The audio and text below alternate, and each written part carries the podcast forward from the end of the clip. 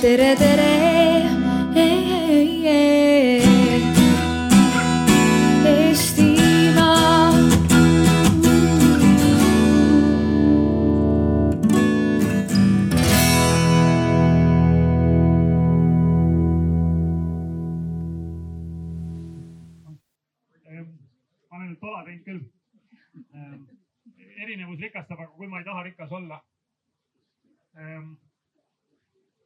ma, kuna see on äh, Arvamusfestivali, mis ta on meil, seitsmes või? seitsmenda Arvamusfestivali esimene arutelude plokk, siis äh, minut aega varem alustame, siis me saame nagu teistest äh, varem minema, võivad öelda, et vale start, aga, aga, aga äkki saame mingi eelise sellega. Ma igaks juhuks, kuna, kuna festivali esimene see arutelu on, siis ma hästi kiiresti kordan need festivali arutelu hea tava punktid üle, et siis me teame, milles me oleme kokku leppinud, kui me siin alal oleme, kui te nendega nõus ei ole, siis te, siis te ei saa mikrofoni. ühesõnaga austame aega, arutelu juhti ja kõiki teisi osalejaid. tõestame, mida väidame. kuulame, sama oluline kui kõnelemine. oleme arutelus osalevate inimeste suhtes hinnanguvabad. see ei kehti meie kui korraldajate kohta, me sildistasime osalejaid sõnaga teised, teised on kõigi vastu hinnanguvabad. reageerime mõtetele, mitte isikule ja oleme lahenduskesksed, teeme lühikese kriitika, siis hakkame lahendusi pakkuma. Igaks juhuks ütlen ära ka selle, et äh, arutelu salvestatakse, ei ole kuidagi ähvarduseks niisama, et teate. ja äh, kui te olete märganud, siis äh, festivali sellises eelkommunikatsioonis on olnud hästi olulisel kohal Speaksmarti ja Arvamusfestivali koostöös selline asi nagu trellid küsi mis tähendab, et ühtegi küsimust, mis teil tekib, kui see ikkagi vähegi nagu kannatab küsimist, ei peaks küsimata jätma, vaid võib julgelt küsida, et meil on siin üks publiku mikrofon ka, millega saab suvalisel hetkel äh, küsida ja sekkuda. ja, ja ei peaks enda teada asju jätma või lootma, et keegi teine sinu eest küsib, et küsige aga julgesti.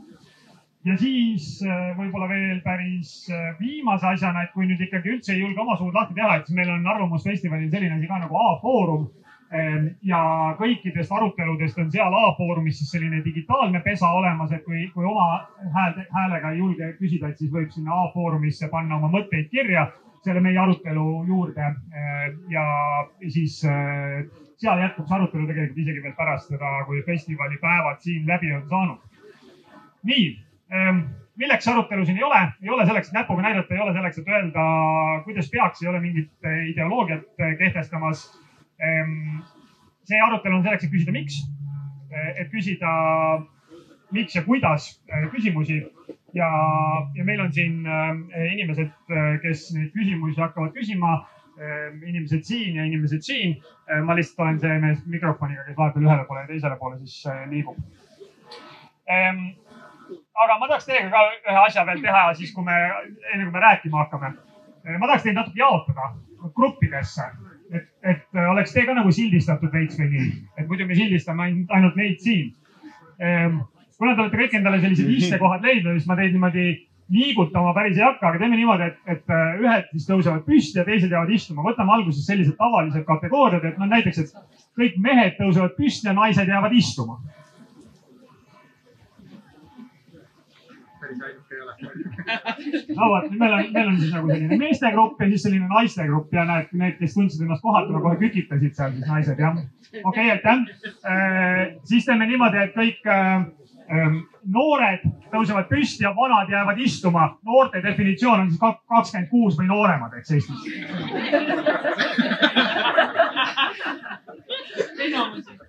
nii, nii jälle, jälle on meil siis kaks sellist gruppi moodustunud, aitäh, aitäh siis teeme niimoodi, et äh, kõik äh, lõpetatud kõrgharidusega tõusevad püsti ja teised jäävad istuma. Järgmine statistiline kategooria näeb grupid siin olemas, aitäh. siis on meil veel selline, et need, kes, kellel on mõni laps enda oma, tõuseb püsti, teised jäävad istuma. ja mõni laps, no sul on mõni laps lastega püsti, teised istuma mis tähendab enda oma? no et kui sa said partnerilt niimoodi kaasa, et siis ei lahku nii, aitäh ja siis teeme viimase sellise statistiliselt tavalise grupeeringu ka nagu, et kõik, kes on äh, seaduslikus mõttes abielus, tõusevad püsti, teised jäävad istuma.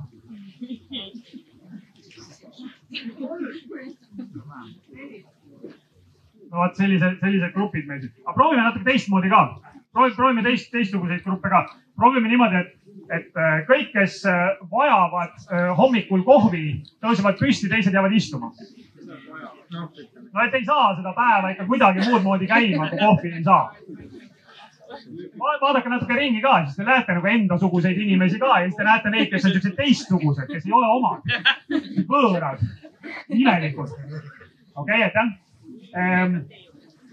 siis äh, teeme sellise veel, et, et äh, need, kes äh, nagu vajavad päikest ja soojust ja suve, tõusevad püsti ja need, kes siis vastupidi vajavad pigem sellist talve ja lund ja külma, et need jäävad istuma õige eestlane. okei okay,, aga vaadake, mõned ikkagi on täitsa imelikud, mõned on ikkagi täiesti väljaspool gruppi, eks. üldse ei kuulu, mõni, mõni ei oska määratleda ennast, tõuseb ja istub ja tõuseb ja istub. okei okay,, aitäh. Ehm, ja, ma ei tea, Ait küll. mul oli neid veel, aga Ait küll. Ehm, kes meil siin all peidus on? Ehm, meil on siin telgi all peidus üks, üks teadlane Ehm, nimi on ka, tiitlid on ka, ma praegu ei ütle, ta on teadlane. Äh, siis meil on siin üks tavaline inimene. sai Eesti Ekspressis ka ära märgitud, et Arvamusfestivalil on tavalised inimesed ja erilised inimesed. meil on siin üks tavaline inimene. Ehm, siis meil on siin kolm ebatavalist inimest ehm, üks ebatavaline inimene seisab äh, homode õiguste eest, üks ebatavaline inimene seisab loomade õiguste eest, üks ebatavaline inimene seisab erivajadustega inimeste õiguste eest. kõik need, kes te siin gruppidesse ei kuulu, te teate, et te olete erivajadusega, eks ähm,. me, me siis äh, kuulame, kuidas need erinevad vajadused, äh, mis meil on, ähm, mismoodi see inimeste hulgas äh, toimib niimoodi, nagu me siin just praegu natuke kunstlikult, aga nägime seda äh, toimimas. Ähm, kui palju, annaks teile ka sõna, vabandust, kui palju, kui palju te igapäevaselt ähm, märkate sellist vajadustepõhist inimeste grupeerimist või sildistamist, nagu me siin just niimoodi läbi tegime enda ümber. kas see on midagi, mida te näete ja kogete ja mõtlete igapäevaselt selle peale või see on midagi, mis lihtsalt kuskil nagu taustal on, aga tegelikult ei ole teie igapäevase päeva osa? ükskõik, kes ja mis järjekorras praegu. Äh, tervist, ma siis ei tutvusta ennast praegu veel no sa võid öelda, et milline nendest erilistest sa oled? ma olen see homoaktivist ähm, ma vastaks sellele küsimusele natuke tagurpidi, et ma pigem igapäevaselt nii eraviisiliselt kui professionaalselt märkan seda ebavajalikku sildistamist ja grupeerimist, mis tegelikult on äh, kunstlikult äh, tekitatud ja ei ole üldse vajalik ja võib-olla need päris vajadused jäävad siis hoopis varju selle tõttu. tere jah, no ma ikka natukene märkan, et äh, kasvõi ühistranspordis, kus on äh, need äh, sildid, et siia tulevad erivajadustega inimesed. noh, õnneks meil ei ole enam muid silte ühistranspordis, nagu olid kunagi mõnes teises riigis.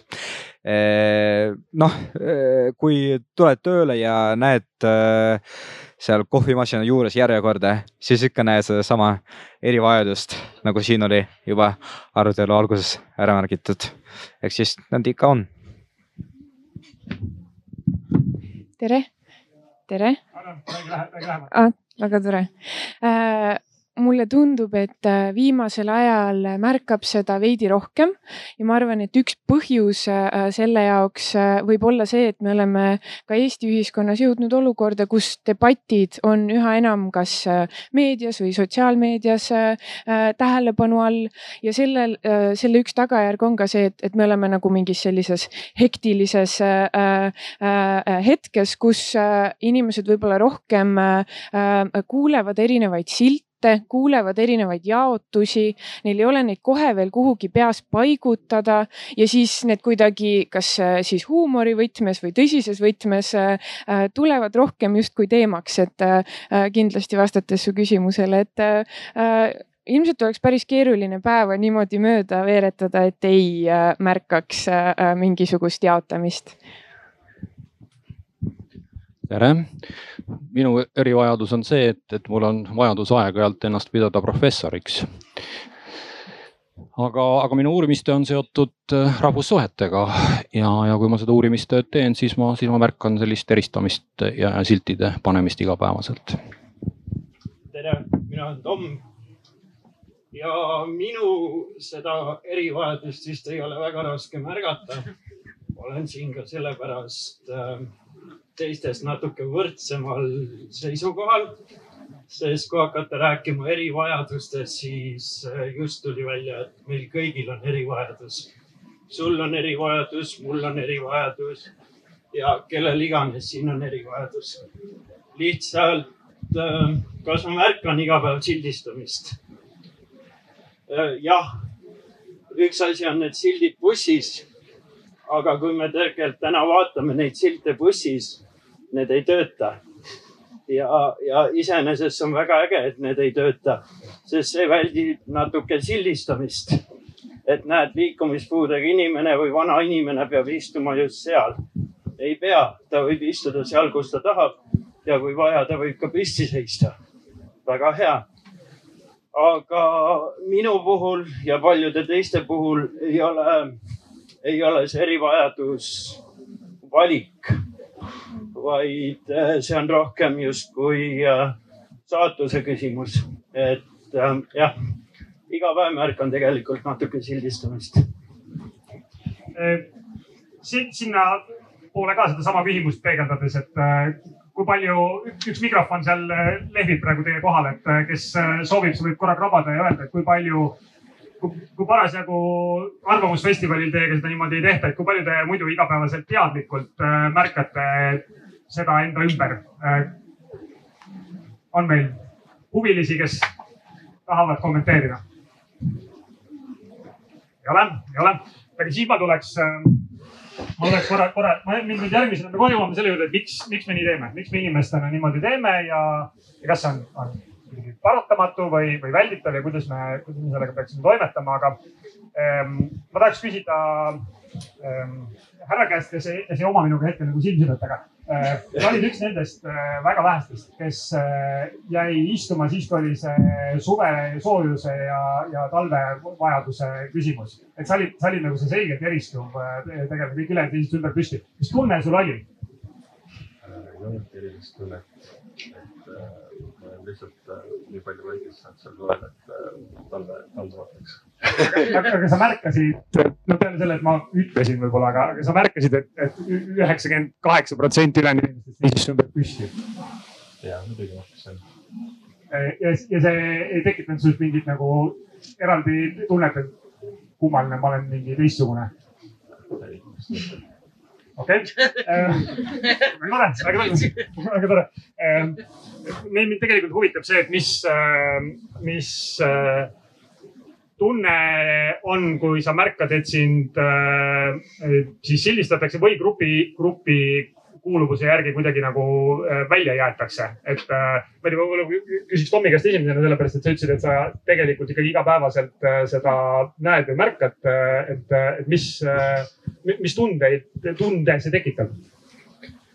no jah, ma ütlen oma vanuse ka ära, et ma olen kolmkümmend üks ja kolmkümmend üks on sellepärast väga tähtis vanus, et äh, ma elan kolmekümne teist eluaastat tegelikult juba elan liikumispuudelisena. et äh, võib-olla seetõttu osaliselt neid asju ei pane tähele ja olen enda jaoks need asjad kõik läbi mõelnud. aga teisest küljest, kui ikka keegi inimene ütleb mulle, et ma olen värdjas või väärakas või narkomaan, siis noh ole sa nii tugev kui tahes, neid asju ikkagi märkab. nüüd, äh, miks inimesed nii ütlevad? on see nende hirm, on äh, neil lihtsalt paha päev, aga, aga tegelikult ähm,, tegelikult tuleb õppida seda, et tuleb enda eest seista. ja, ja, ja miks inimesed seda teevad, see on nüüd nende probleem. aga noh, me keegi ei ole tegelikult põhjatud kaevud kuhu võib alati sisse sülitada, olgu mis tahes meie erivajadus on. et äh, jah okay.. teistelt, teistelt ka, mis, äh, kui te olete seda märganud äh,, noh eriti, eriti nagu enda puhul, mis, mis tundeid see on teis tekitanud? No ma ütleks, et enamikku silti vist ei panda komplimendina, vaid ikka mingisuguse negatiivse alatooniga. ja sellega seoses äh, inimene, kui ta selle sildi saab, siis ta on teadlik juba sellest tagajärgedest, mis sellega võib kaasa tulla, et võib-olla selle eest, et kellelegi talv meeldib rohkem kui suvi, võib-olla peksa ei saa küll aga on silte, mille eest võib täitsa reaalselt saada ja vahet ei ole, kas see silt isegi tõele vastab või mitte. isegi kui vastab, siis see ei ole ju ainus inimese iseloomujoon või tunnus. et ähm, Äh, sa võid olla tugev ja mitte hoolida sellest sildist, aga üks asi on see, mis sinu enda sees sellega seoses toimub, teine asi on see, mis olukorda see paneb sinu laiemas maailmas ja sa pead nende tagajärgedega tegelema, sa pead nende peale mõtlema. Äh, sa pead nende pärast muretsema. Äh, neid meenutatakse sulle pidevalt, eks ähm, üsna stressirikas võib-olla ei tea järjekorras minema. Kristiina, ole. võib-olla ma võin ühe näitliku näitlikus, äh, näitlikustava loo rääkida, et hiljuti olin äh, ühel ähm, sugulastega seotud üritusel, kus oli äh, pikk laud kaetud ja sel hetkel, kui toidud toodi lauda, ütles siis üks mu lähisugulane, et näe, Kristiina, nüüd tulevad need asjad, mida sina ei saa süüa. nagu me ei istunud kõrvuti või nagu ma ei olnud midagi ise tähelepanu pöör-, nagu tundsin ennast nagu väga, et, et noh, seal, eks ju, saad tähelepanu endale, mitte ilmselgelt positiivselt. Äh, õnneks nagu äh, toitumisvalikute pärast peksa ei saa. Äh, aga, aga kindlasti nagu ähm, kui vaadata, mida sotsiaalpsühholoogid ütlevad, eks ju, et, et Margo, kui sa enne osutasid sellele, et mis tunne on, kui sa oled see teistest erinev mingis asjas, et just see, et me võib-olla oma eakaaslaste tuge ei saa, et me tunnemegi, et me ei ole piisavalt head, me ei ole normaalsed ja selle mõju mõjud äh, stressi või äh, pinge mõttes psühholoogiliselt võivad väga negatiivsed olla. et ise selle konkreetse näite ja natuke humoorika olukorra äh, ma lahendasin nii, et ma nagu hakkasin naerma selle peale ja ütlesin ei, aga siin on hummus ja hummus on väga hea. aga et selles mõttes, et kindlasti selliseid näiteid on, olles mingis valdkonnas natuke erinev, võib ette tulla igapäevaselt mina tahtsin rääkida võib-olla natukene teisest äh, sellest sildamist sildistamistüübist, see on see, et äh, kui sind äh, sildistatakse ära ja samas äh, kiidetakse. et justkui no näiteks, et sa oled nii noor, sa oled alles kolmeaastane, aga juba, juba oskad lugeda kõike seda, mis kirjas on kuskil kaupluses või kuskil veel. et see on selline sildistamine, mis, mis, mis justkui peab tekitama positiivseid tundeid ja see mõneti ka tekitab. alguses sa võib, võib-olla mõtled, et ma ma olengi võib-olla nii tore, nii lahe.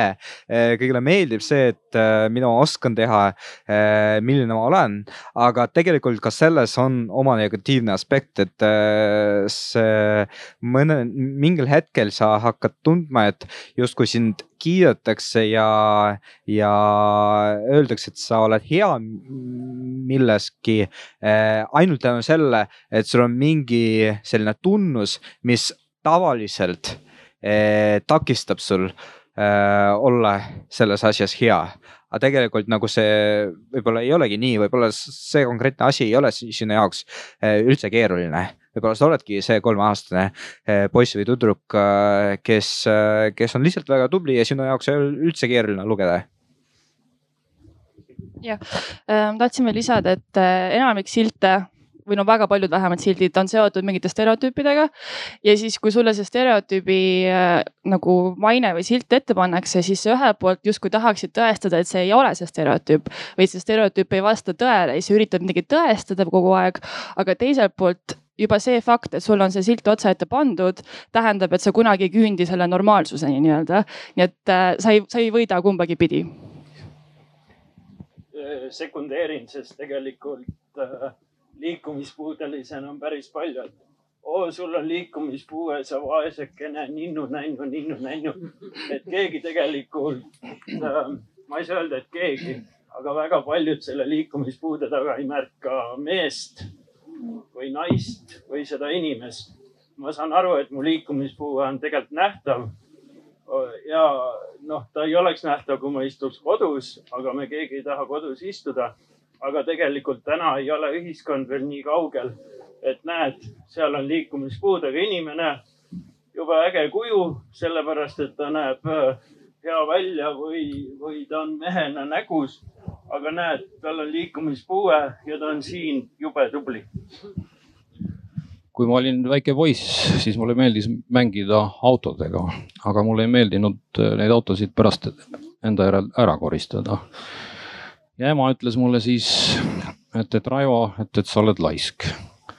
et kui vaadata, vaadata praeguse pildiga, et, et kas see oli ka sildistamine, mingis mõttes ta oli, et, et eks ole, et lapsed jagunevad laiskadeks ja, ja, ja virkadeks. aga, aga ma tahangi öelda, et on erinevat tüüpi sildistamisi, et, et kui sa oled laisk, siis sul on võimalik saada, saada virkaks, aga, aga kui sinu erivajadus tuleb, tuleb mitte sinu enda tahtest, vaid, vaid kusagilt mujalt, siis see võimalik ei ole. aga, aga, aga eks ole, ma tahaksin selle nii-öelda võrdluse ikkagi esile tuua, sest, sest võib-olla see on üks samm selles suunas, et, et hakata, hakata mõistma, et miks äh, silte pannakse. et mulle tundub, et kui silte pannakse, siis, siis tegelikult ei taheta sellega halba, et, et kuigi sellega objektiivselt, reaalselt tehakse halba, aga, aga tõenäoliselt see motivatsioon on midagi muud, et, et, et, et mulle tundub, et, et võib-olla seda aspekti peaksime tänases arutelus ka natuke leidma. ma nüüd teeks ühe väikse julguse proovi. Äh, ma teeks julguse proovi niimoodi, et äh, ma küsin, ma küsin sellesama mündi teise, teise külje kohta ja vaatan rohkem siit, siit äh, publiku suunas. Ähm, aga, aga loomulikult kõigile, kõigile ka avatud, eriti meie tavalisele inimesele me, me küsisime, eks nagu, et mis, mis tunne on seal ühel pool olla, aga, aga mis tunne on teisel pool olla? mis tunne on see, et äh, sa oled omasugustega koos äh, ja siis keegi, kes on väljas, võõras, tahab sinna tulla teie juurde. Äh, no ma toon jälle triviaalse näite. me räägime muidugi palju, palju nagu olulisematest gruppidest, aga, aga et sa, sa oled, ma ei tea, rannas, pead sõpradega pikniku ja siis keegi tahab tulla sinna sinu teki peale istuma ja, ja vorstikest sööma, kes ei ole sinu sõpruskonnast. sul pole temaga midagi, midagi ühist, isegi ei tea, kes ta selline on. Äh, kas keegi ähm, tahab jagada, et mis tunne see on? kui oled omasugustega koos ja keegi tahab sinna sisse trügida sellesse seltskonda või kampa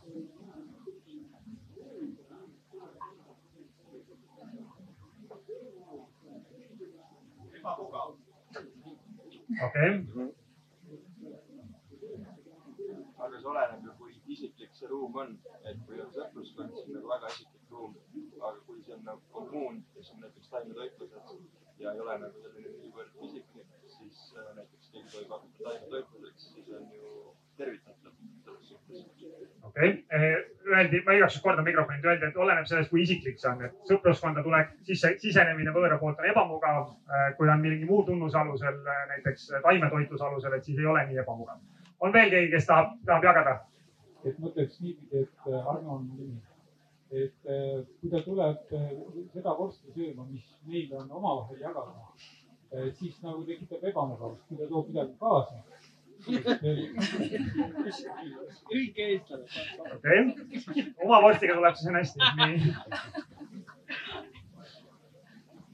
on veel neid, kes tahavad jagada, mis tunne see tei-, see teistpidi tunne on? oled omadega koos ja keegi võõras tahab tulla? mul on tihtipeale olnud seda olukorda, et, et sa oled oma, eks oma sõpradega koos ja keegi võtab kaasa keegi, kes on välismaalane ja tegelikult kõik nagu räägivad inglise keelt ja see on fine, aga lihtsalt ei viitsi, tahaks eesti keeles rääkida. ja siis sa nagu tunned, et su väärtused ja su reaalsus läheb veits vastuollu. et sa nagu arvad, et sa oled hullult kaasav inimene ja noh, et kõik on oodatud, aga siis sel hetkel sa ikka mõtled, et äkki, miks ma pean nüüd inglise keeles rääkima, mul on nii palju lihtsam eesti keeles rääkida. okei okay,, aitäh, väga, väga hea jagamine. on veel keegi, kes tahab jagada seda, seda tunnet? tahad sa? noh, ma ütleks, et see välismaalase näide on tegelikult seesama ebamugavus. ma isegi läheks natukene eh, edasi ja võtaks eh, noh, ekstreemse olukorra, kus sul on hirmus, sul on hirmus, sest et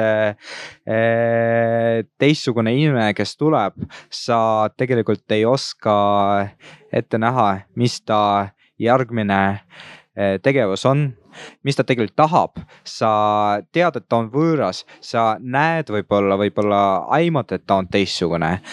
ja see tegelikult võib põhjustada seda, et sul on kohe selline negatiivne ähm, noh, stereotüüp, mis, mis, mis hakkab, hakkab tööle sellise võõra inimese puhul ja see juba omakorda siis tekitab mingi kaitsereaktsiooni. sa, sa hakkad halvasti ütlema, halvasti vaatama tema poole.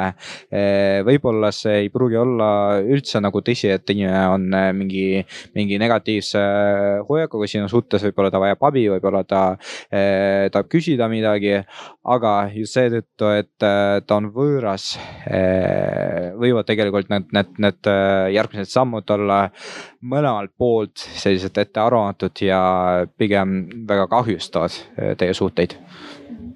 tahab keegi ma räägiks ühe äh, näite äh, sellel samal teemal, mille üks mu äh, sõbranna mulle pihtis ja nüüd ma lahkelt jagan seda teie aga ma arvan, et see on üks näide, mida nagu ma olen mujalt ka kuulnud ja see on erakordselt tundlik ja keerukas teema. aga ühesõnaga, et ähm, olukord on selline, et inimene, kes on muidu väga tolerantne äh,, äh, väga äh, toetab mitmekesisust ja puha, aga äh, ta tunneb, et kuna ta ei ole, elades Eestis sünnist saati, ta ei ole teise nahavärviga inimestega üldse kokku puutunud, absoluutselt üldse. ja äh, kui ta äh, oli ühel üritusel, sattus vestlema, hästi toredad inimesed, aga ta tunneb ennast imelikult ja ta ei oska seda äh, selgitada, milles asi on. võib-olla meie harjumuspärane, et oleme harjunud nägema äh, äh, enda nahavärviga inimesi enda ümber, ennast peeglis, mis kõik veel. ja sealt edasi ta, et võib tekkida just see nagu mure, et oota, oota, aga kas ma üldse võin öelda, et mul on kummaline? kas see tähendab, et ma olen nüüd ebatolerantne? ma ei, ma ei ole, aga mul on imelik ja ma ei tea, miks. ja ma arvan, et see on hästi paljude äh, äh, ütleme nagu mitmekesisust puudutavate teemade puhul oluline, et me, et me võiks ikkagi öelda äh, ja me võiks ikkagi rääkida sellest, et kui ma ei tea, mul on imelik kuidagi äh, ja et selle nagu äh, jätk ei ole see, et see ei tähenda, et ma mõtlen pahasti või mõtlen halvasti, aga et muidu me võime kogemata tekitada olukorra, kus inimesed, kes evivad, ütleme, ma ei tea, ebatolerantseid või nõmedaid suhtumisi erinevate gruppide suhtes, et nad ei saa sellest üle, kui nad peavad olema olukorras, kui nad ei tohi isegi öelda mitte midagi. et see on ilmselt nagu kognitiivse dissonantsi küsimus ja selleks, et see kognitiivne dissonants lahendada, oleks hea mõte, kui me vähemalt võime analüüsida seda, et kui mul on mingil põhjusel imelik ja ma ei saa aru, miks. täiesti nõus, sest äh, minu puhul ma olen märganud, kuidas äh, inimesed ei julge silma vaadata ja, ja ma täitsa saan aru, miks see nii on, sest neil on mm. ebamugav. aga tegelikult selle ebamugavuse lahendab ära üks küsimus. kui inimene saab teada, et aga mis sul viga on. kui ma küsin mustanahal, kui ma küsin mustanahalise käest, mis sul viga on, siis ma nagu, mina ei teaks tema asemel, mida vastata. aga konkreetselt minu enda puhul ma saan vastata, mis mul viga on. ma vastan inimese küsimuse ära ma seletan talle juurde, mis see tähendab või mida see ei tähenda. ja kui see võtab tema jaoks selle probleemi maha, on väga hästi. kui ei võta, noh siis läheb rohkem aega, et aga inimestes võiks seda julgust küll olla rohkem, et küsida, et umbes täpselt, et noh, mis sul viga on, on natuke liiga räige võib-olla. aga et kuidas see juhtus või miks sa selline oled, kõik on täiesti normaalsed küsimused ja kui me oleme kõik endaga sina peal, siis me tõenäoliselt oskame seda ka vastata. okei okay,, aga kui, ma ei tea, aidake mind nüüd keegi, Raivo või, või keegi teine. Ehm, kui mõlemal pool on ebamugav, kui, kui on kehva tunne, kui sind sildistatakse, ehm, ükskõik, kas siis sellise eelistuse alusel või mingi, mingi paratamatu ehm, e-, erinevuse või, või vajaduse alusel ja samamoodi on ebamugav tunne, ebamugav, hirmus ähm,, ähm, kummaline, imelik tunne olla teisel pool, olla selles, selles grupis, kes ähm,, kuhu siis keegi, kust keegi erineb äh,, tahaks nagu mõnel puhul osata olla, aga ei oska olla. kui mõlemal pool on ebamugav ja imelik, miks me teeme seda? miks me ikka inimestena neid gruppe enda ümber niimoodi moodustame ja nendest gruppidest, nendest siltidest lähtuvalt siis ka käitume ja suhtleme? ma arvan, et üks oluline aspekt selle taga on võim. et äh, ühiskonnas äh, igal tasandil, olenemata valdkonnast, äh, võib leida võimu suhteid, et, et võim on üks ühiskonna toimimise viis, võim toimib mitte ainult Toompeal või, või vallavalitsuses, vaid võim toimib ka perekonnasuhetes, sõprussuhetes, rahvussuhetes ja, ja mis tahes äh, teistes äh, suhetes. et, et mulle tundub, et, et vastuse otsimisel üks tee on, on rääkida võimust, miks, miks inimestel ja gruppidel on vajadus ennast kehtestada, mis funktsiooni see enese kehtestamine äh, täidab, mis funktsiooni enda eristamine teistest täidab, et, äh, et, et mul on, mul on tunne, et nendest asjadest tuleks rääkida vastuse otsimisel. Ähm kindlasti on seal ka evolutsioonilised põhjused ja nii edasi, milles mina ei ole ekspert, küll aga ma tean, et elu ongi ebamugav et see on täiesti okei okay,, kui meil on vahel ebamugav ja imelik olla. et äh, mulle tundub, et kogu jah, selle mitmekesisuse ja sallivuse, üksteise mõistmise juures jääb natuke tahaplaanile fakt, et et kõik ongi õppimisprotsess, mitte keegi ei sünni mitmekesisuse, mitmekesisuse mingi entsüklopeediana. Mina ise ka olin selles mõttes oma orientatsiooni suhtes hiline küpseja.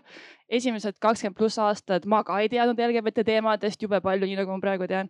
et see on kõik õppimisprotsess ja mulle tundub, et me tihti jääme kinni mõtlemisse, et ma olen nüüd valmis inimene inimene minu vastas on ka valmis ja nüüd nii on ja rohkem edasi ei saa ja me ei saagi kunagi läbi, me ei saagi üksteist kunagi mõistma. et tegelikult ju ei ole niimoodi, me kõik saame õppida, me kõik saame küsida ja ebamugavus ongi õppimisprotsessi osa. Ja see on okei okay., me ei pea seda kartma. Äh, võib-olla see ei lähe üle, sel juhul me ei pea selle inimesega võib-olla ninapidi koos olema kogu aeg, aga see on normaalne ja võib-olla kõik, me kõik võiksime natuke rohkem õppida sellega olema lihtsalt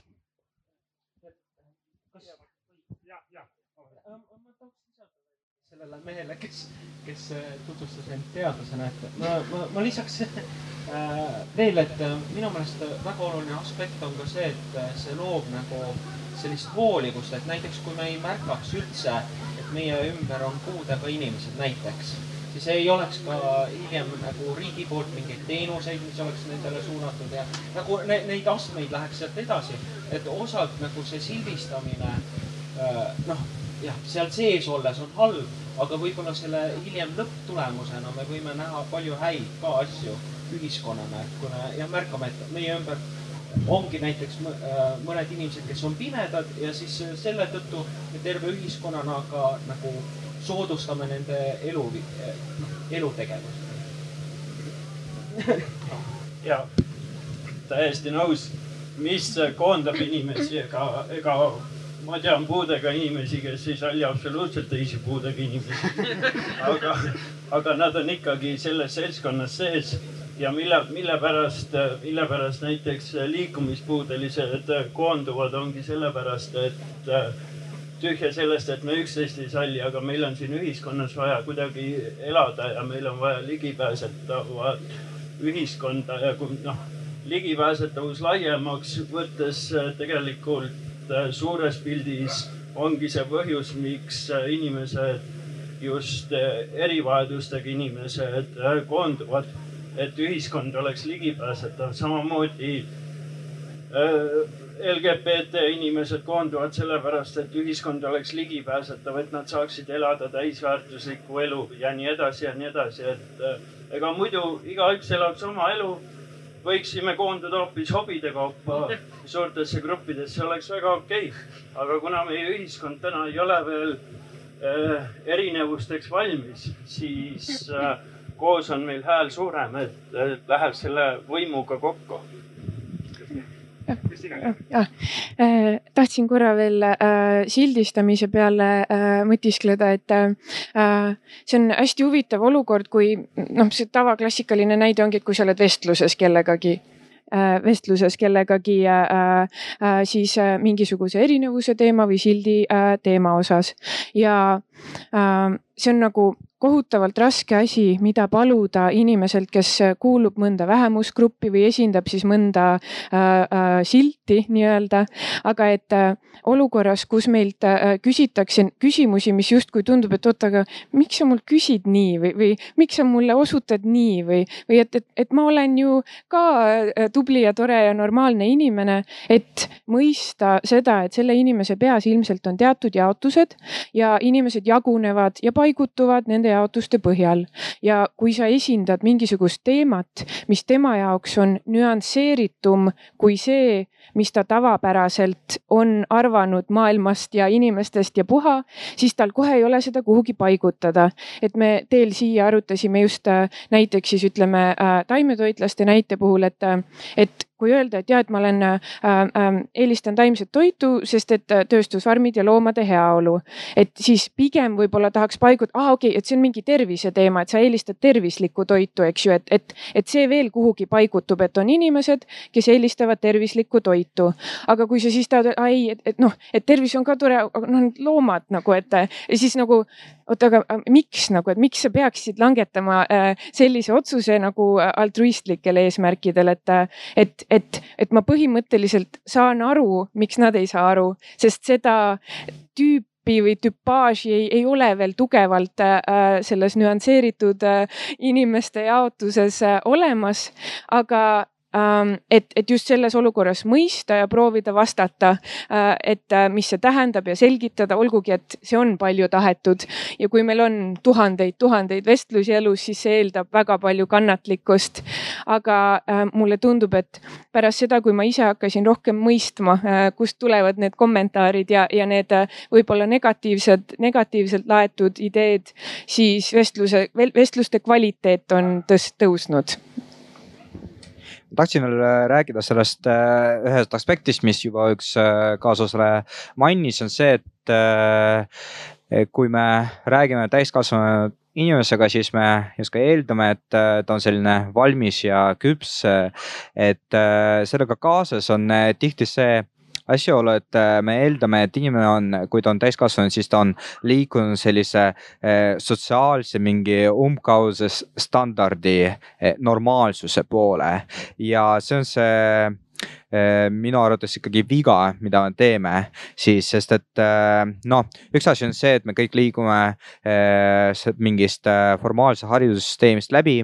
me kõik liigume võib-olla mingis ühes ühiskonnas, aga tegelikult see ei ole ikkagi õige mõelda, et kui me kõik saame täiskasvanuks, et me kõik saamegi olla ühesugused. Ja noh, seda eeldust, mis tihti tehakse, et noh, ma räägin ju sinuga kui, sinu kui täiskasvanu inimesega, miks sa mind, miks sa minust ei saa aru, miks sa ei ole minuga eh, nõus, kas sa ei saa selle, eh, kas sa ei saa eh, noh, mingit, mingite ühiskondlike reeglitega kaasas olla, et sellised laused tihti väga saab nagu võib kuulda, et see on minu meelest see probleem, et meie ei saa ühiskonnana aru, et täiskasvanu inimene võib võib areneda tegelikult mingist nagu teises suunas, vaid tal võiksid olla just juba küpsena või võivad tekitada mingid, mingid mõtted, mingid äh, eripärad äh, täiesti teadlikult. Äh, ja see on ka okei okay.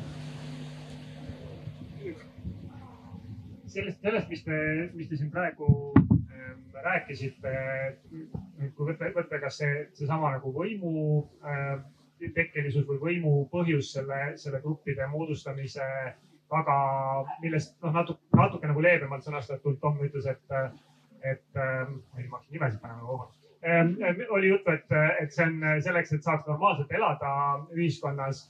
et kui me võtaks mingi sellise hüpoteetilise olukorra korraks, ähm, ma ei tea, oletame, et, et härra Musk USA-s teeb selliseid kolossaalseid tehnoloogilisi hüppeid ja meil on, meil on, ma ei tea, kümne aasta pärast võimalik saata mingi ports inimesi Marsile uut planeeti ehitama. ja, ja, ja oletame, et nad ei ole eks sõjaväelased, neil ei ole mingeid omavahelisi selliseid otseseid maalt kaasa võetud võimusuhteid, vaid nad on lihtsalt mingi valim inimestest, kes on konkureerinud nagu uueks, uueks elanik, elanikkonnaks Marsile ja siis nad sinna maanduvad. kas samad asjad, mis meil siin on? Needsamad äh, nähtused äh, grupeerimisest, äh, selliste vajaduste ja tunnuste alusel oma ja võõra loomisest, teistsuguste äratõukamisest. kas need ilmneksid sealsamas uues ühiskonnas kohe ka ähm, paratamatult või meil on ähm, lootust selles, vähemalt selles hüpoteetilises olukorras ehitada üles inimühiskonda ilma selliste grupi määratluste ja piirideta? et äh, mulle tundub, et see on hästi palju kinni ressurssides. et, et miks tekivad konfliktid, konfliktid tavaliselt tekivad siis, kui, kui on ressursi puudus ja tuleb ressursside eest äh, võidelda et, et see on nagu üks vastus sellele küsimusele, et, et kui, kui ressursse on piisavalt, nende eest võitlema ei pea, siis üks põhjus konfliktsuseks ja, ja hierarhiate loomiseks äh, langeb kohe ära. nüüd äh, teine põhjus on, on psühholoogiline. et, tundub, et, et eristamise vajadus on inimestele ikkagi looduse poolt kaasa antud ja ta on kaasa antud sellepärast, et evolutsiooni käigus meil on olnud tegemist Äh, ressursi puuduse olukorraga, et, et see on lihtsalt tekitanud, tekitanud äh, äh, sellise psühholoogilise, psühholoogilise hoiaku. Et, et selles mõttes inimpsühholoogia peegeldab lihtsalt laiemaid sotsiaalseid suhteid või selliseid materiaalseid suhteid, et, et see ei ripu õhus, et meil on, oleks väga kena nagu arvata, et, et kunagi tulevikus võib-olla tõesti kõik konfliktid kaovad ära ja, ja kõik saavad sõbraks ja, ja kõik on, kõik on moraalsed ja, ja kõik on head. et see, see võib õige olla, eks ole, sellises abstraktses mingis loogilises maailmas, sellises ratsionaalses maailmas, aga, aga tundub, et me ikkagi päris ratsionaalses maailmas ei ela ja, ja seepärast ma kardan, et, et, et sellist olukorda ei teki, kus me teistele silte ei pane. Kas, sellest, äh, kas see, see on ka põhjus, miks äh, need, kes äh, ühiskonnas tahavad erisusi rõhutada ja, ja selle, selle kaudu ühiskonda siis lõhestada või võib-olla ainult nagu oma gruppi tugevdada, rõhutavad väga sageli just ressursside piiratusele mingis riigis või mingis ühiskonnas. Jah, jah, kindlasti, kindlasti see on üks põhjus, kui me mõtleme näiteks migratsiooni teema peale, siis, siis eks ole, paljud inimesed kardavad, et, et kui migrandid tulevad sisse, nad võtavad ära, eks ole, nende enda tasemele vastava töökoha, et mis peale, peale seda saab, nii et ma arvan küll, et, et väga paljus on asjad taandatavad ressurssidele kui ma seda Marsi stsenaariumit ette kujutan, siis mul tekib kohe nagu eelküsimus, et kes nende kandidaatide seast valib neid inimesi, kes sinna läheb. et kui neid valib ühesugune grupp inimesi, siis nad saadavad ilmselt ka endalaadseid inimesi sinna, nii et sinna väga suurt mitmekesisust ei tasu loota ma arvan, et äh, on täiesti okei okay,, kui äh, mõni inimene ei meeldi teisele inimesele lihtsalt sellepärast, et näed, Tom, sul on liikumispuue, sa ei meeldi mulle. Fine, ma lähen minema, sa mine minema ja ärme enam kokku puutu, täiesti okei okay. kurb oleks aga lihtsalt see, kui me Marsil äh, peaksime ikkagi kõik koos väikses ruumis koos elama ja siis hakkama saama, et äh, jäägem ikka maale siin diskussiooni ajal ja ka teie küsimuses äh, mul, mul jääb veidi segadus, et mis te sildistamise all mõtlete, sest on kahte erinevat sildistamist. üks on see, et ütleme, ma kutsun ennast taimetoitlaseks, eks ole, kõik on tore. aga teine on üks, ütleme negatiivne, ongi, et aa, see on mingi värv ja näe, sealt läheb mustanahaline. näe, sealt piilub mingi pilu välja, eks ole. et, et et, et, et kui me räägime nüüd negatiivsest sildistamisest, siis ja võib-olla Marsi koloonias saab sellest lahti. aga eh, noh, eh, teistsugune sildistamine, et me kuulume mingisse gruppi, see kuul-, see on lihtsalt osa meie ühiskonnast. et eh, niikaua, kui me ei saada Marsile lihtsalt näiteks sada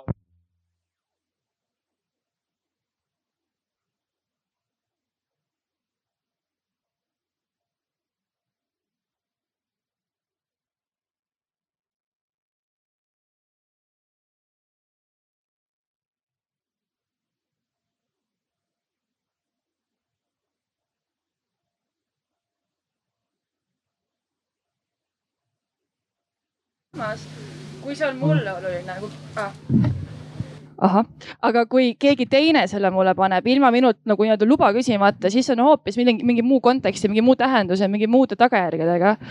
Äh, et ma võib-olla tahan neid naiste riideid seal poes, aga sellepärast, et naised on öelnud, et neid tahavad, mitte sellepärast, et kuskil on keegi välja mõelnud, et naised raudselt tahavad seda.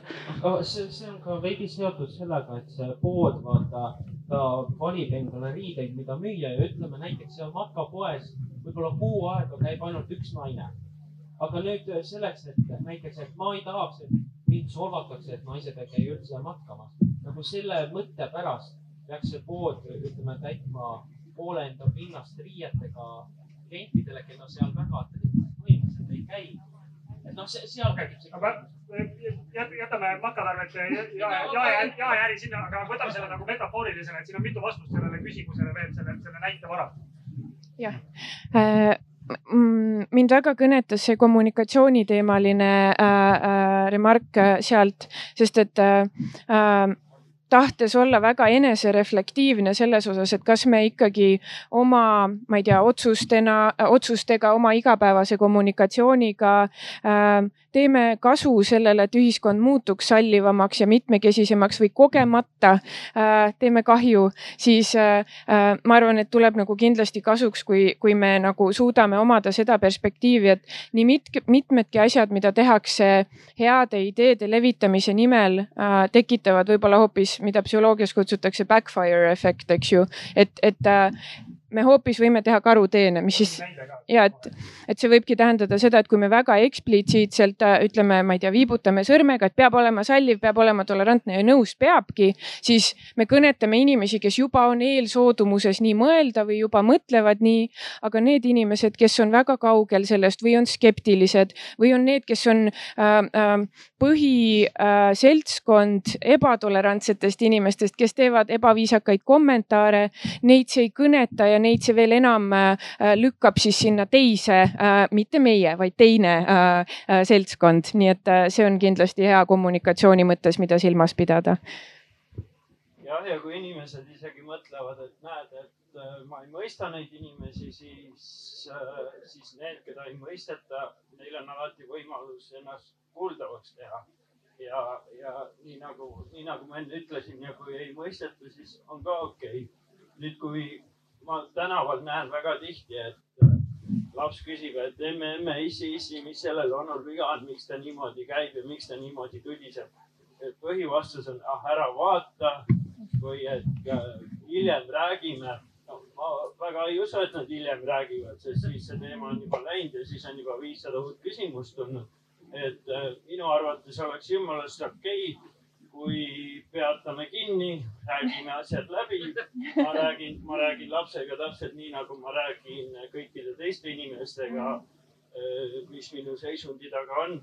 ja tõesti, kui ikka ja samamoodi ma arvan, et kõik, kes me siin istume, et näiteks, et emme, emme, et miks see eh, miks see mees eh, natuke vigaselt eesti keelt räägib, siis tasub see ära seletada ja sealt hakkab see kõik kasvama. ma loodan, et, et siis äh, see, selle kaudu saaksime liikuda parema ühiskonna poole. ma teeks kommentaari sellest kõigest natukene siin äh, alates äh, matkapoest äh, kuni Marsini kuna pole rääkinud juba äh, kauem aega, et äh, mis puudutab seda matkapoe situatsiooni, siis äh, ma olen äh,, mulle tundub, et see on ikkagi noh osaliselt see ongi turumajanduse äh, üks aspekt, et äh, ja seda noh, naiste riideid seal ei pakuta, sest et äh, naisi käib no võib-olla objektiivselt vähem. siin on ka teine asjaolu muidugi ja see puudutab just kommunikatsiooni. see puudutab seda, missugune vastus seal oli sellelt müüjalt, et ta vastas, et no naised ei käi, ta öö, oleks võinud vastata, et öö, noh, naisi on, naiste, naiste seas on huvilisi vähem, meil on mingi alternatiivne võimalus, näiteks mingi meie e-poodi, seal on valik natukene suurem, see oleks juba arusaadavam ja ei oleks, no võib-olla siis klient ei oleks solvunud selles olukorras, ehk siis kommunikatsioon mängib ka rolli. muidugi on ka sellised, sellised olukorrad, kus asi ei ole lihtsalt kommunikatsioonis ja asi ei ole seotud turumajandusega, et need, et, et üks, üks asi on see, et kui meil on vähe naiste riideid poes või meeste riideid, seal kehtib turumajanduse reegel mingi, mingis mõttes, aga teine asi on see, kui meil näiteks ei anta naistele haridusvõimalusi või mingile teisele suurele grupile mingil täiesti, arbitraarlisel põhjusel õigusi on vähe. see on tihti seotud mingi konkreetse näiteks riikliku poliitikaga, mis on noh, mis diskrimineerib ja millele juba õigustust nii väga ei ole. ja nüüd lõpetades marssiga.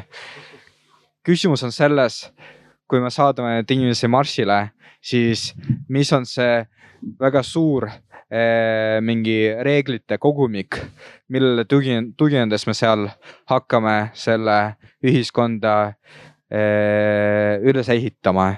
kas see on see reeglistik, mis, eh, mis on siin maal olnud tuhandeid aastaid või see on hoopis midagi muud ja see on muidugi küsimus nende koordinaatorite, juhtide julgusest ja avatust mul see reeglistiku sõna tekitas ühe, ühe mõtte, millest ma sageli räägin oma üliõpilastele, on, on selline sotsiaalteoreetik, kelle nimi on John Rawls ja, ja viiskümmend aastat tagasi tuli ta välja ühe sellise sotsiaalse õigluse teooriaga, mis on, mis on üks populaarsemaid ja ma tahaksin seoses Marsi, sellise hüpoteetilise Marsi näitega paar sõna rääkida, et, et mis on tema ettepanek.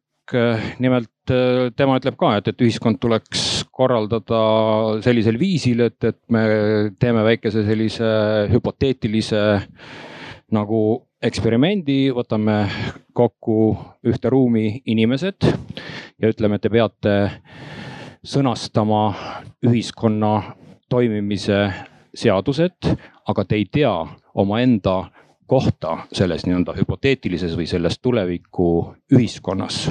et, et missugused seadused sellisel juhul koostaksite ja, ja tema selline lühike vastus on see, et, et, et koostaksite sellised seadused, mis on kasulikud eelkõige ühiskonnas kõige kehvemas positsioonis olijatele. sest, sest on ratsionaalne sellises hüpoteetilises nii-öelda alg, algsituatsioonis on ratsionaalne, selline otsus on ratsionaalne, sest ei tea, et te võite selles tulevikuühiskonnas näiteks osutuda orjaks.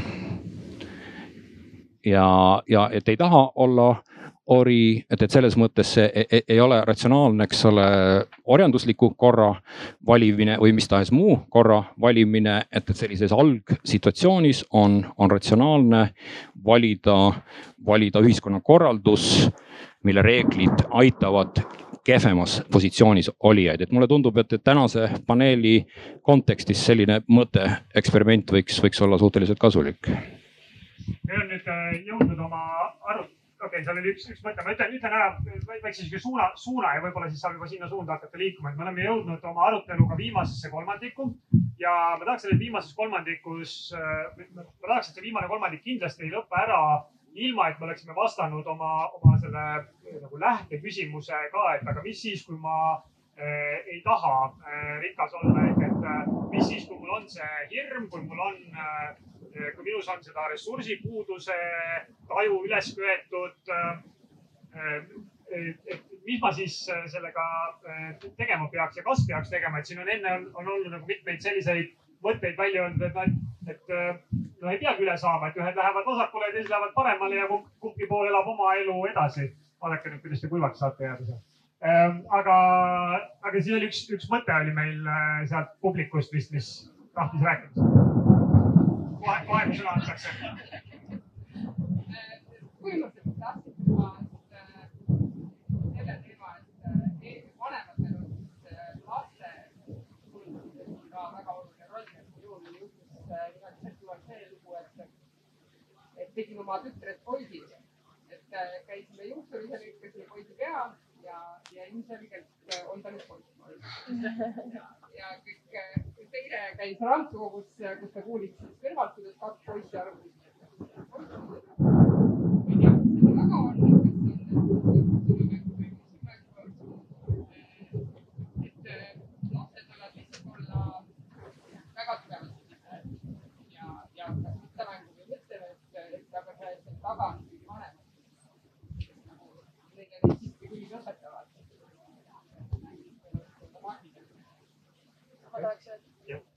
Et kui me räägime siin, kas seda rikkust peaks tahtma või kartma, et võib-olla see kõlab natuke juustuselt, aga tegelikult me kõik oleme juba rikkad selles mõttes, et keegi ei ole üks asi. et sa võid olla, sa võid ise ollagi see normaalne inimene, aga sa oled ikkagi mitmes rollis, sa oled kellegi vanem võib-olla, sa oled kellegi laps, sa oled mingi tööidentiteediga, sa oled mingisuguse võib-olla haridusidentiteediga, rahvus, mis iganes sinus juba on nii palju asju. et see, et keegi teine äh, toob välja mingit oma äh, ühte identiteeti, näiteks nagu mina selle aktivistina on ju, räägin LGBT inimestest mitte sellepärast, et ma arvan, et ma olen ainult see üks, vaid see on kõige tähtsam, vaid sellepärast, et see on alaesindatud ja see vajab tähelepanu, aga ma olen palju muid asju ka. et, et me kõigis juba on see, kui me endas selle ära tunneme paremini, siis me näeme seda ka teistes ja siis see probleem võib-olla natukene lahustub vähemalt okei okay,, aga kui, kui nüüd äh, keegi, keegi äh, siin või keegi mujal, kellega sa kokku puutud, kuulab äh, su juttu, kuulab äh, ja võib-olla nagu niimoodi ratsionaalselt intelligentse inimesena, eks saab aru, et äh, sa teed seda sellepärast, et ühiskonnas oleksid võrdsed, võrdsed võimalused ja, ja saab aru, et sa oled selles aktivisti rollis parasjagu, aga ta, ta sees on ikkagi nagu selline tunne, nagu siin varasemalt mõnelt poolt kirjeldati, et no ma ei tea, ikka nagu kuidagi imelik on nagu ei ole, ei ole samasugune olen, olen nagu veits hirmul selle, selle osas, et äh, mis äh,, mis ta selle tundega tegema peaks. kas ta peaks selle tunde alla suruma? kas ta peaks sellest tundest tulema sinuga rääkima? kas äh,, kas ta peaks tulema küsima su käest midagi? et kõigepealt võiks julgeda iseendaga olla korraks ja mõelda, miks see ebamugavustunne tekitab kas väga populaarsest või väga ebapopulaarsest? Ühesõnaga, kõigepealt küsi endalt, miks see sind häirib üldse? Äh,. siis guugelda. Ja kui siis ka ei saa, siis tule küsi, kas siis niimoodi, et mis sul viga on või natuke viisakamalt, et oh joo, palun seleta natukene. Et neid samme on tegelikult mitu, mida saab ette võtta ma ise tunnen ka kindlasti, et, et kui keegi juba julgeb küsida, et oot, aga mis värk see on, et, et, et, et kas sa päriselt ka oled juba äh, nii palju aastaid otsustanud loobuda kõigist maailma pakutavatest toidunaudingutest, mis sul viga on? Et, et tegelikult see on juba samm edasi, olgugi et, et ma võiks ju ka mõelda, et oot, aga miks sa pead mind selline, miks ma peaks nagu olema selline inimene, ma ei ole, aga kui ta juba küsib, kui ta juba äh,, mulle tundub, et iga sellise teemaga on teatud korduma kippuvad küsimused, mida nende gruppide esindajad nagu noh, ongi reaalselt tuhandeid kordi võib-olla elus vastavad ja et kui me võtame eksplitsiitselt selle positsiooni, et, et ma hea meelega vastan, sest et kui ta juba küsib, siis me saame edasi liikuda sellest äh, tekkinud äh, dissonantsist peas. et, et ma usun, et see, et aga kui ma ei taha olla rikas, et see on tunne, mis on sel hetkel, kui ma arvan, et ma kas kaotan sellest midagi, nad ongi jube imelikud inimesed, jube imelikud, aga suure tõenäosusega, kui me päriselt saame vestelda, päriselt saame äh, selle mingi hirmu maha, et aa, okei okay,, ma arvasin, et need, ma ei tea äh, vene emakeelega inimesed, no ikka seal ikka kõik korras ei saa olla, eks ju, no mida iganes. et äh, aga et ei, et tegelikult ei ole nii, et äh, või vahet ei ole, kas see on siis äh, äh, LGBT kogukonna esindajad või veganid või, või äh, puuetega inimesed, et et kui meil ei ole kokkupuudet, siis on kerge karta ja siis on kerge öelda, ma ei taha olla rikas, ma ei, see teeb keeruliseks ja siis pead muudkui arvestama kõigiga ja nii palju aega läheb ja, ja mis kõik veel, aga et, et ma usun, et tihti tihti see seisukoht võib tekkida äh, kokkupuute puudumise baasil ja kokkupuude ja vestlused võivad aidata sellest äh, hirmutundest rikkuse ees siis äh, eemale saada. Sellest kokkupuutest rääkides on täitsa, täitsa nõus sellega, et ja seda ka selle nii-öelda vähemusgrupi või erivajadustega inimeste grupi poolt, et ka nende seas võib olla selline arusaam, no et me oleme erilised äh, ja, ja, ja meil on niivõrd erilised vajadused, et äh, no tegelikult me, me saame, me saame omavahel hakkama ka, et me ei pea eh, nii-öelda suure ühiskonnaga või nendega, kes, kes ei ole sellise erivajadusega üldse nagu suhtlema ja me ei pea isegi seletama ja mis nad seletada, nad ikka ei saa aru, see on no näiteks sama vene emakeelega inimese näide ja mina olen vene emakeelega inimene ja see on nii-öelda minu erivajadus või erilisus, aga tänu sellele, et ma suhtlen hästi palju nagu teiste emakeel, teiste emakeeldega inimestega nii Eestis kui välismaal, et äh, see võib-olla aitab äh, ka minul aru saada, et tegelikult ei ole minu erilisus nii palju midagi suurt, et, et, et, et, et ma peaks olema äh, ainult omadega koos näete, tere testiga korra, kõik, kes veel midagi kuulevad, tõstke käsi korraks. no väga hea, väga hea. meil tuli just siis välja, eks, et meie, meie tavaline harilik inimene ei olegi tavaline, tavaline harilik inimene, vaid on hoopis vene emakeelega inimene, tal on erivajadus. nii et kui meil on tavalisi harilikke inimesi seal publiku hulgas, et siis rääkige sealt, et siis meil on vähemalt neid äh, siin arutelus sees, jah okei okay,, see oli väga hea sissejuhatus.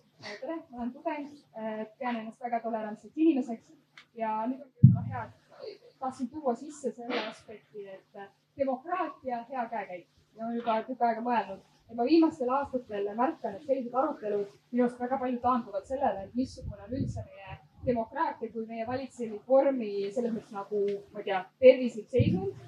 et mulle tundub, et me lihtsalt olemegi jäänud nagu veits ajale jalgu sellega, et me nagu, mis tähendab üldse demokraatia arendamine, et minu arust see, et meil üldse on demokraatia, võimaldab meile seda, et meil on tugev kolmas sektor ja see, et vähemus saavad oma õiguste eest seista. mulle tundub, et see on see nagu alanähtustatud, et tegelikult see vorm, milles me iga päev elame, kuidas meid valitsetakse, kuidas me saame kaasa käia, lihtsalt ei jõua nagu ajale järgi. ja kas kahekümne esimese sajandi demokraatia ongi see, et on protsessi sisse kirjutatud see, et kõik vähemusgrupid saavad nagu loomulikul teel eksisteerida. et võib-olla see ongi jäänud kuidagi ajale jälgu.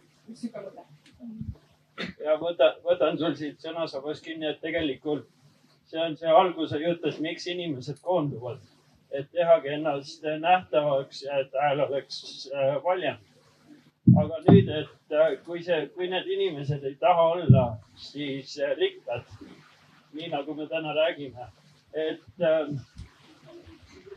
minu kõige suurem soov oleks see, et inimese taga nähakse alati inimest. Mitte seda, et kas ta on vene emakeelega, kas tal on liikumispuue, kas või ükskõik mismoodi ta teistest erineb. tähtis on inimene seal taga ja kui ühiskond, maailm hakkaks sellest aru saama, et tähtis on näha inimest, siis läheks meil kõigil paremaks. ja see oli nüüd väga-väga äh, hea moment, äh, kaks momenti järjest, et öelda, et, äh, et või õieti parandada oma äh, alguses tehtud sissejuhatust, mis oli tehtud teadlikult äh,, teadlikult valesti. aga minu kõrval siis mõistagi ei äh,, ei istu ebatavalised või tavalised inimesed minu kõrval, minu poolt liikudes istuvad Tom, Raivo, Kristiina, Vlad ja Kristiina. Selle viimased mõniteist minutit, nii nagu Tom ütles ja nii nagu me siin eelneva arutelu käigus ka jõudsime, et kui inimesed kohal ja ümber ei ole enam mingit gruppi, vaid ta on äh, see, see inimene, kes ta on ja teda sellisena ka nähakse, siis äh, loodetavasti vähemalt osad äh, võib-olla ebaõiglaselt pandud äh, grupikuuluvused või sildid äh, lahustuvad ära. Kas meid on jätkuvalt kuulda? ja, ja okay.. üks, üks paar asja, mis, millest ma tahaks rääkida. esiteks on grupp inimesi, kes poliitilistel põhjustel panevad endale silte ja seeläbi võib-olla hägustavad nagu teiste siltide tähendust. näiteks üks selline grupp on äh, inimesed, varieeruvad, aga on osad, kes poliitilistel põhjustel võtavad selle termini endale omaks, aga koos sellega kutsuvad ennast transseksuaaliks, samal ajal kui transseksuaalid enamasti, neil on äh, sooline diskooriaga inimesed, et neil on psühholoogiline noh, probleem, neil on reaalne probleem, millele nad püüavad lahendust leida ja seeläbi nagu see teine pool nii-öelda hägustab seda tähendust, hägustavad neid meetmeid, mis meile inimestele mikrofon hästi lähedal. aa jah, et, et, et, et, et, et see on minu jaoks probleem et, et kui inimesed võtavad silte omaks, mis, mis tegelikult neid väga ei kõneta, võtavad ainult omaks.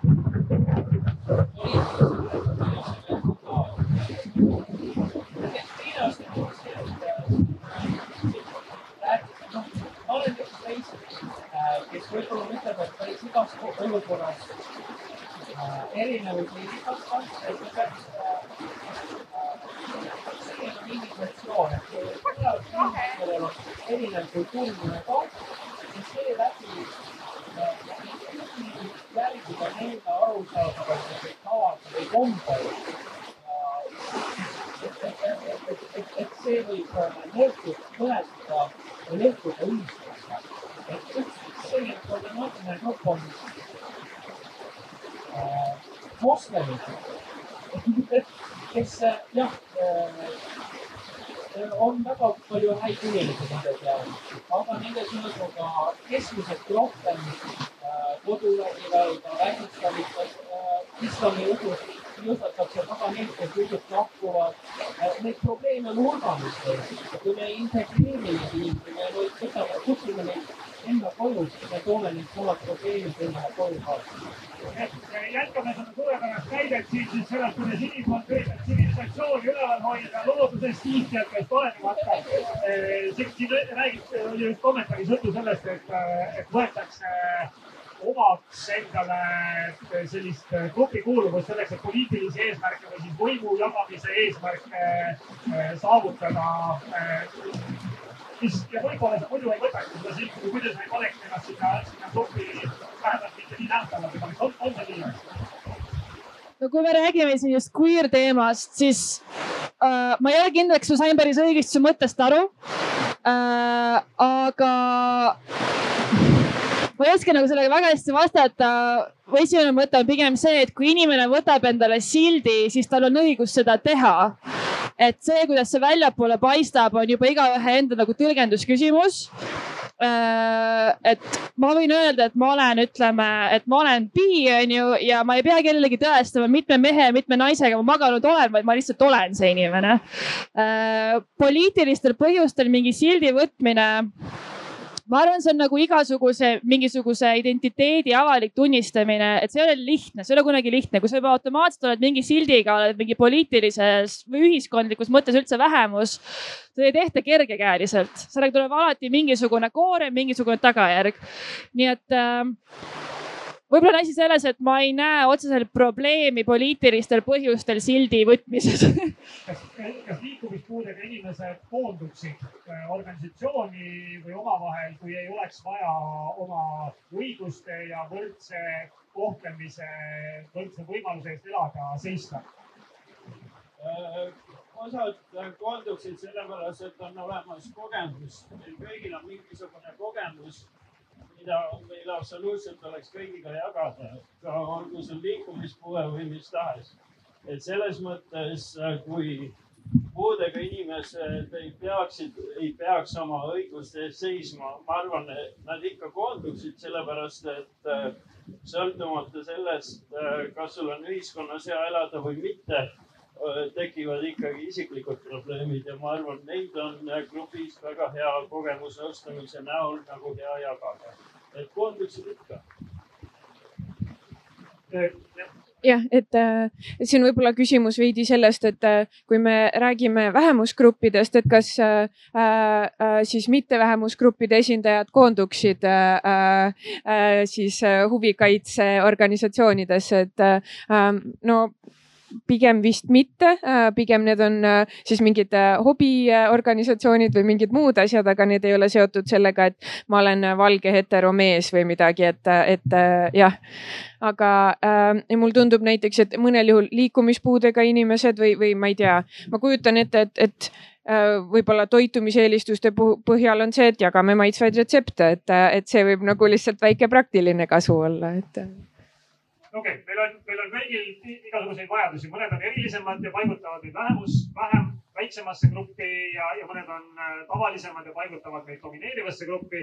osa sellest on äh, ressursi jagamise ja võimusuhetega seotud, osa sellest on äh, tänu sellele ressursi jagamisele muutunud selliseks inimese, ütleme siis inimpsühholoogia osaks saanud evolutsiooni käigus ja, ja, ja osalt me võtame neid silte või meile omistatakse neid silte poliitilistel äh, põhjustel.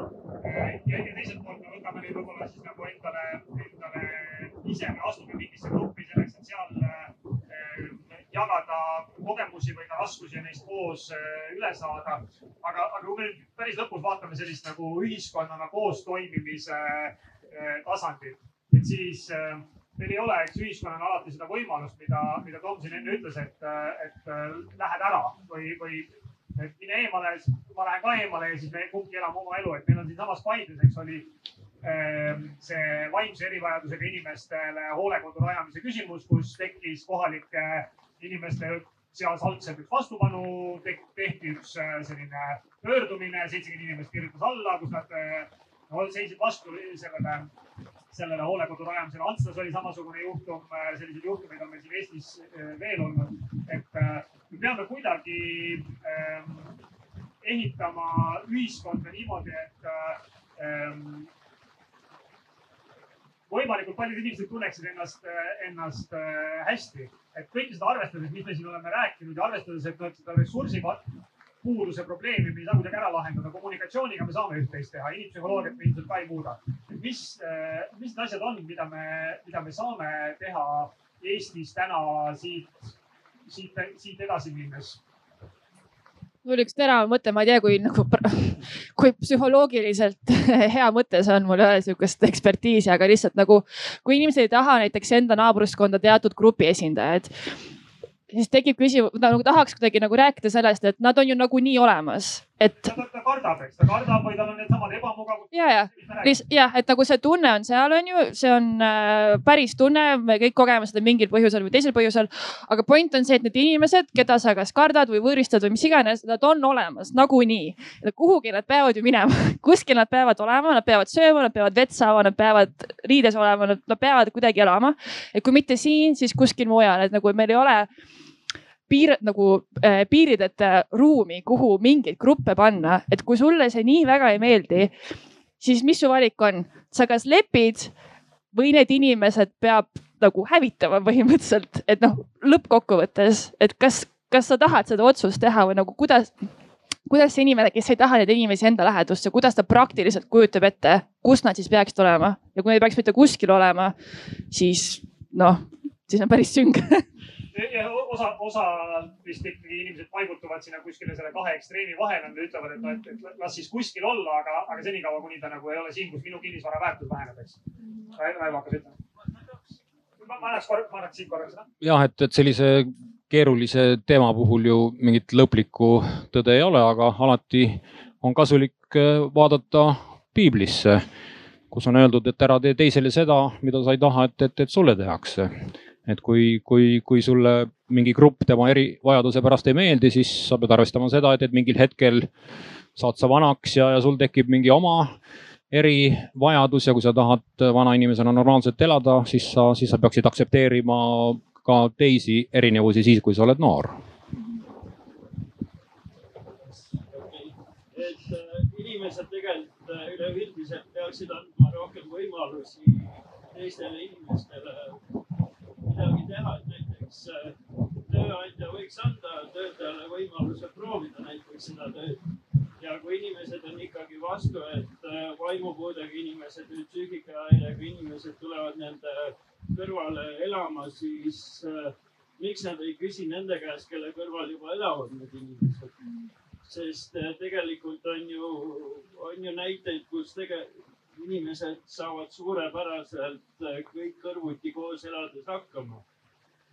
Meil kõigil on hirmud, kui minu kõrvale tuleb elama korteris kaks paari tudengeid, siis ma tean, mis seal toimuma. aga võib-olla ei hakka. aga ma annan neile võimaluse, ma ei hakka kohe kisa tõstma, eks ole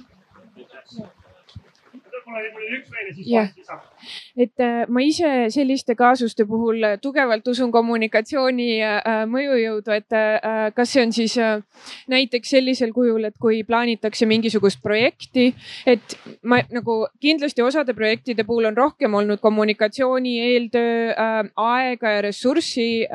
aga mõne, mõnel puhul on tajuda seda, et justkui tekib see eeldus, et kõik peavad nõus olema ja kui siis tekib see vastukaja, kus, et ei, me ei taha ja need hakkavad ju siin, ma ei tea, ilastavad igale poole või mida iganes need vastuargumendid ka ei ole. et, äh, et siis justkui, et me ei looks, et me ju ei üllatu, et see võib tekkida ja et äh, ähm, sarnaste projektide planeerimisel äh, võtta arvesse, et ettevalmistav periood peabki olema pikem. kas see siis tähendab äh, äh kohalikus äh,, ma ei tea, rahvamajas ürituste tegemist, uks äh,, ukselt uksele koputamist äh, või mis kõik veel, et, et need ei ole taktikad, mis kindlasti aitavad kohe veenda. aga mulle tundub, et tihti me ei pane piisavalt äh, aja ja rahalist ressurssi sinna alla, et üldse tegeleda nende hirmudega, mis võivad teatud projektide puhul kaasneda.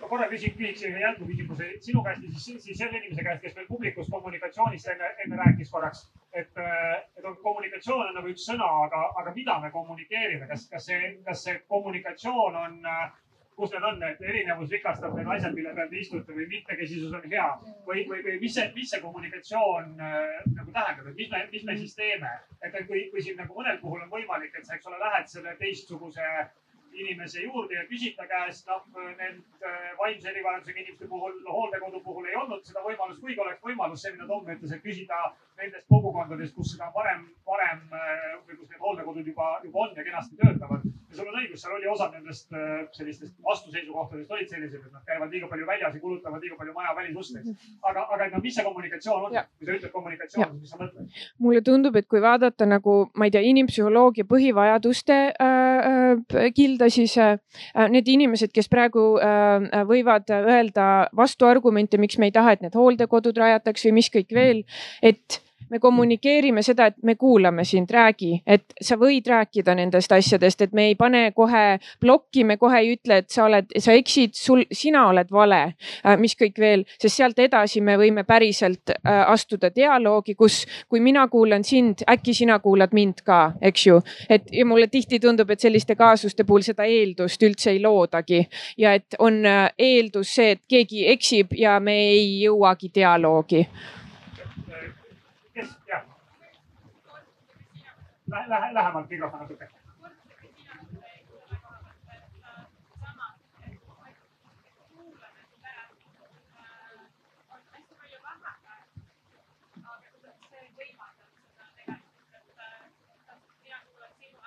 Mm-hmm.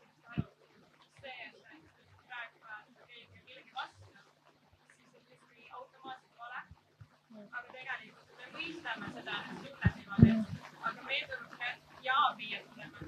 mitte rühmkommunikatsiooni mingid alustajad, mitte jah, aga, vaid jah, ja et mitte vastata, et aga tegelikult on, mis tõmbab maha kõik ideed, mida teine on võib-olla väljendanud, et seda on hea arvesse võtta. Põhiselt äh, leiame me sellele kinnitust, et sel, sellisel moel äh, nagu kommunikatsiooni, võib-olla siis üle terve ühiskondlike selliste suurte kommunikatsiooniprojektidega õnnestub meil tekitada rohkem mõistmist inimeste vahel äh, niimoodi, et rohkematel inimestel oleks, oleks nagu hea, hea olla ja vähem ebamugav tunne. kui vaadata, kui palju meil on tekkinud kommunikatsioonifirmasid, siis, siis vastus on jah ja ma tahtsin lihtsalt äh, välja tuua see, selle, et mida konkreetselt kommunikeerida, millele osutada sellel, äh, äh, selles olukorras. see on muidugi noh, selline pooltõhus asi küll aga osutada ühistunnustele, mis meil on, et kui meil ehitatakse see hooldekodu, siis ühistunnused, mis on inimestel, kes seda, kes seal hakkavad elama ja kes on väljaspool, see, mis meid ühendab, see, et see on võimalik teenus meie lähedastele ja, ja üldiselt nagu inimestele, kes on meiega rohkem sarnased kui erinevad, et seda on muidugi mõnes äh, olukorras raskem teha. Äh, noh, seesama näiteks äh, Sitsi näide Tallinnast. aga ma usun, et see on kohati väga-väga võimalik. meil oli. Kari, ole hea. ma, saan sulle siit selle anda. mina olen Kari Inimõiguste Keskusest. ma tahtsin seda öelda, et meie oleme selles mõttes, et meie ei ole näinud oma eesmärki kunagi selles, et me veename üle ümber vastaseid selles, kui äh, hea on tegelikult sallivus. et seda, seda me, äh, me oleme nagu, me teame, et igas ühiskonnas on inimesed, kes väärtuseliselt jaganevad, no seda on uuritud hästi palju, eks ole, see Schwarzi väärtuste teooria, kus sul on igal inimesel teatud väärtused, avalduvad teatud tugevusega ja noh, lihtsalt mõne inimeseni sa ei jõua, sest et meie väärtused on liiga erinevad, et nad lihtsalt lähevad kõrvatukku. minu, minuga on samamoodi, et kui keegi inimene hakkab rääkima oma mingite väärtuste äh, seisukohast, äh, millega mina ei haaku, siis ma ei saa temast aru, ma ei saa temast lõpuni ega ka mind ei huvita see teema, ma lähen e eemale, ma lähen teise arutelu kuulama aga, aga, aga, aga me saame, kellega me saame nagu tööd teha, on see, ütleme see keskmik, kellel ei ole väga suuri äh, vastuolusid või väga suuri väärtuselisi erinevusi, aga kes ei ole võib-olla sellele teemale mõelnud või mõelnud sellele, et vaadata asju natukene äh, laiemast äh, vaatenurgast, et see on, see tuleb tagasi selle Kanti ja, ja Arendti sellele ütleme siis selline laiendatud mõte, mida meie oleme üritanud teha, on, on kultiveerida ühiskonnas sellist laiendatud mõtlemist, seda, et sa oskad ennast panna mingis mõttes teise inimese eh, vaatenurka, aga, aga seda sa ei saa lõpuni muidugi teha, sest et noh, sa ei saa kunagi olla. Eh, eh, noh, mina ei, ma ei tea, kuidas on olla üles kasvanud, ütleme naise sooidentiteediga või, või mingisuguse muu kui siis mehe sooidentiteediga. selles mõttes on, on väga raske, väga raske nagu äh, lõpuni haakuda. aga, aga, aga, aga, aga see, me peaksime kogu aeg seda üritama. ja, ja teine asi on, et ja seda ebamugavustunnet, seda tulebki nagu öelda, et see ongi nagu normaalne ja nii peabki, peabki olema ebamugav, kui me tahame ühiskonnas koos elada jah, üks äh, äh, see teema, mida ma tahtsin kommenteerida tegelikult alguses veidi kattub ka sellega, et, et äh, mina olen seda meelt, et äh, sellist multikultuursust ja sallivust ei tohiks täiesti pimedalt või meeleheitlikult taga ajada, sest äh, kahjuks äh, Euroopas on palju näiteid, näiteks mul tuttav elab Malmös ja seal äh, ta naisena ei julge isegi ujulasse minna, sest isegi nii avalikus kohas võidakse vägistada. Kahjuks jah, moslemi immigrantide poolt. Või näiteks kasvõi Inglismaal, kus tuhat nelisada last vägistati äh, grupi poolt, Pakistani grupi poolt ja politsei ei julenud seda asja kakskümmend aastat korralikult menetleda, sest nad kartsid, et aa, me näime mittesallivana või et, et, et me nüüd äh, target ime või noh, me keskenduma ainult ühele inimgrupile, et kuidas see võib äh, välja paista. et, et selliste hirmude loomisega äh, me, me, me võime vabalt jah, tulistada iseendale jalga. okei okay., aitäh. Äh, me oleme jõudnud oma, oma arutelu ähm, põhilised küsimused siin nüüd läbi käia. ma tahaks ühe, ühe sellise nagu viimase sõna ringi veel kõikidele, kes meil siin, siin paneelis on ähm, anda selleks, et, et noh, kui me läksime liikuma sellest küsimusest, et, et erinevus edastab, aga kui ma ei taha rikas olla, et mis, mis ma siis teen enda sees selle, selle, selle tundega. et võib, võib-olla äkki siis selles lõpusõnas te, te igaüks ütlete, et, et mis te ise järgmine kord teete, kui te satute olema selles äh, grupis äh, võib-olla siis domineerivas grupis, kuhu, kuhu keegi, keegi väljastpoolt või keegi, kes on võõras, tahab sisse tulla, te tunnete enda sees seda ebamugavustunnet, et mis te siis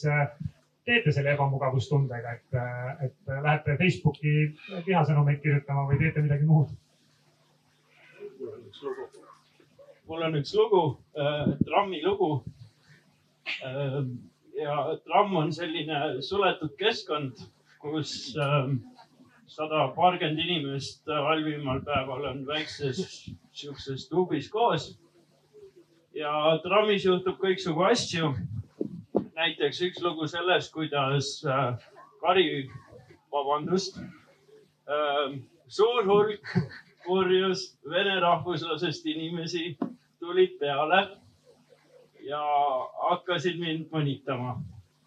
sellepärast, et ma värisen ja nii edasi ja nii edasi. ja ega teised inimesed ka suurt nagu midagi nagu teha ei oska, kui tunnevad ebamugavust, ebamugavust juba selle, selle üle, et esiteks seal on äh, kärarikkad inimesed, kes on täiesti purjus ja neil on täiesti ükskõik. ja teiseks sellepärast, et mis nad siis nagu minu suhtes nagu vene keeles ütlesid. ja siis juhtus sihuke asi, et ähm, samast pundist üks äh, noormees tuli minu juurde ja küsis, et aga, et äh, mis mul siis viga on ja ja oma kehvas vene keeles ma seletasin talle ära, et sünnitrauma ja kõik see ei ole minu enda valik ja siis noormees läks selle pundi juurde, seletas ära.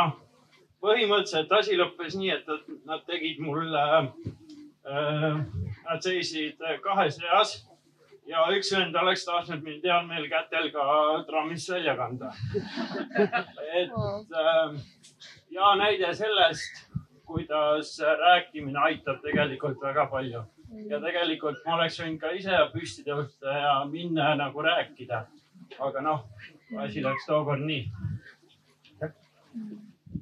nii, küsimus siis sellest, et, et mida, mida ma teen, kui ma tunnen, et mulle mingi asi ei meeldi. tegelikult on nii, et, et on väga vähe asju, mis mulle ei meeldi aga üks asi on, on võib-olla suitsetajate seltskonnas olemine, et ma siis lähen lihtsalt ära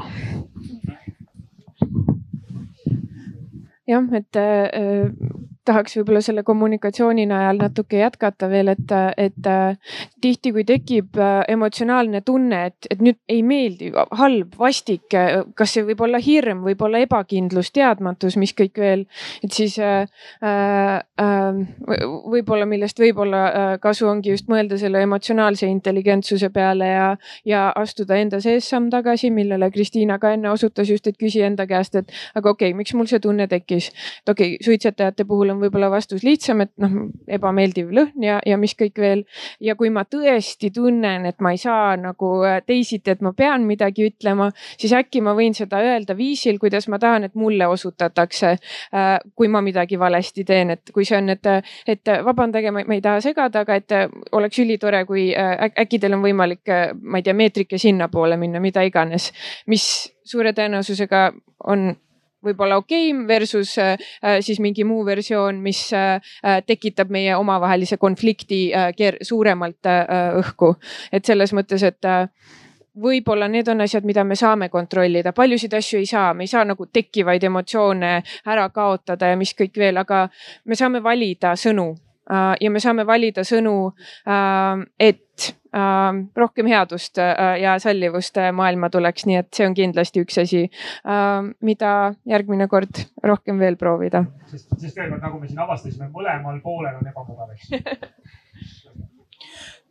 Mul ei ole isegi midagi muud lisada siis rääkimine teineteise vajadusest ja probleemist arusaamine on siis, no on siin kindlasti võti, et äh, muidugi noh, mõnikord on mingi, mingi asi, mingi probleem nii väike, et äh, saab lihtsalt noh, näiteks oodata äh, ja alati siis tasub no võib-olla natukene mõelda sellest, kui palju ressurssi sul kulub selle peale, et noh rääkida jällegi võib-olla selle, sel, sellel konkreetsel hetkel see, see on miski, mis, mis äh, lõpeb väga kiiresti ja te lähete lahku näiteks selle teise inimesega, kes, kes ei ole väga nagu noh, meeldib sulle näiteks.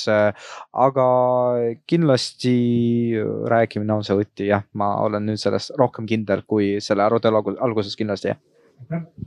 Mul on üks lühike vastus ja üks pikem keeruline tagurpidi vastus lühem vastus on see, et ma olen nõus selle mõttega, et ma suhtlen inim- või vähemalt üritan, ma annan endast parima sest me kõik oleme inimesed, meil kõigil on vead, aga ma annan endast parima, et äh, suhelda inimesega nii, nagu ma tahan, et minuga suheldaks. kui midagi ei meeldi, siis kuidas mina tahaksin seda kuulda äh,? pikem tagurpidi vastus on see, et äh, mul lihtsalt jäi see kõlama, see sinu sõna, et kui sina oled domineerivas grupis, siis kuidas sa käitud.